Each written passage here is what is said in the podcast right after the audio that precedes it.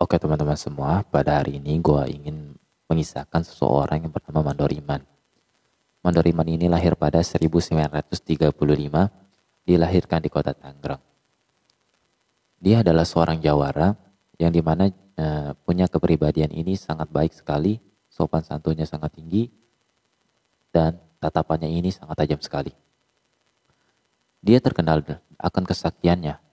Dia bisa mempunyai kekebalan tubuh dan bisa menghilangkan diri dalam sekejap. Hal yang paling fenomenal adalah diceritakan oleh seorang anaknya, ini yang ini anak pertama yang bernama Simon Mandor Iman. Mandor Iman ini mempunyai kekebalan tubuh yang sangat luar biasa. Kisahnya adalah seperti ini. Pada waktu itu, Mandor Iman ini pengen pergi ke rumah saudaranya di kampung sebelah. Kampung sebelah itu kira-kira jaraknya 500 meter lah dari kampung gue ini. Nah, di, pertengah, di pertengahan perjalanan ini, dia ini dicegat oleh jawara kampung sebelah. Tentu saja jawara kampung sebelah ini kenal dengan Mandoriman. Ketika dicegat itu, si jawara ini berkata, Hei Iman, kalau lu ingin lewat, maka lu harus lawan gua dulu. Mandoriman itu cuma menatap tajam, dengan tatapannya tajam itu, dia berkata, pinggir lo, gua gak ada urutan sama lo. Nah, dikatakan seperti itu, langsung si jawara ini langsung lari nih. Jawaranya lari, tes, tes, tes, tes, tes. lari langsung lepasin, tas, kena tubuhnya, dan nggak ada nggak ada luka apa apa gitu bahkan bajunya aja itu nggak robek si jawari ini tadi bingung kok bisa Padahal pedangnya ini terkenal tajam sekali, bahkan bisa bisa membelah besi. Saking kagetnya, terus juga ditonton oleh banyak orang, dia ini malu gitu.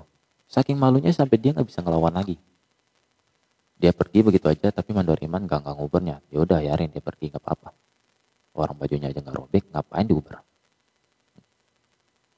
Nah, akibat kejadian itu namanya semakin terkenal sampai kampung sebelah.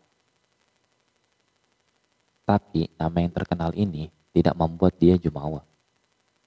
Gak merasa tinggi gitu. Tetap aja sama. Akibat kejadian itu ya, banyak orang itu yang berspekulasi bahwa Mandariman ini ketika kesaktiannya itu sangat luar biasa. Bahkan eh, sekelas jawara yang sering orang ditakut-takuti oleh pedangnya itu yang bisa membelah besi katanya itu bisa dikalahkan tanpa harus melawan. Nyalinya diciutkan gitu. Sungguh kisah yang sangat luar biasa sekali sih kalau menurut gua. Nah, kisah yang fenomenal lagi adalah ini ketika menghilangkan diri. Ini diceritakan oleh menantunya. Pada saat itu, eh, menantu dan anaknya yang pertama yang masih kecil main di pelataran. Di pelataran rumahnya gitu. Nah, pelataran depan pelataran rumahnya ini ada pohon jambu yang masih belum terlalu besar lah. Dan di bawahnya itu ada pohon bale, eh ada bale. Dan Mandoriman ini duduk di situ. Duduk sambil ngopi, sambil ngerokok. Santai lah pokoknya. Nah, ketika uh, mantunya ini sedang ngajak main anaknya, dipanggil lah mantunya. Mantu, sini. Gue pengen ngomong sama lu. Mantunya nyamperin Nah, ketika mantunya nyamperin ini, ditanya, ada apa, Mbak? Nih, gue pengen bilang sama lo, kalau misalnya nanti ada yang nyariin gue, bilang gue udah gak pulang dalam waktu seminggu. Mendengar pesan itu, si mantunya cuma bilang iya.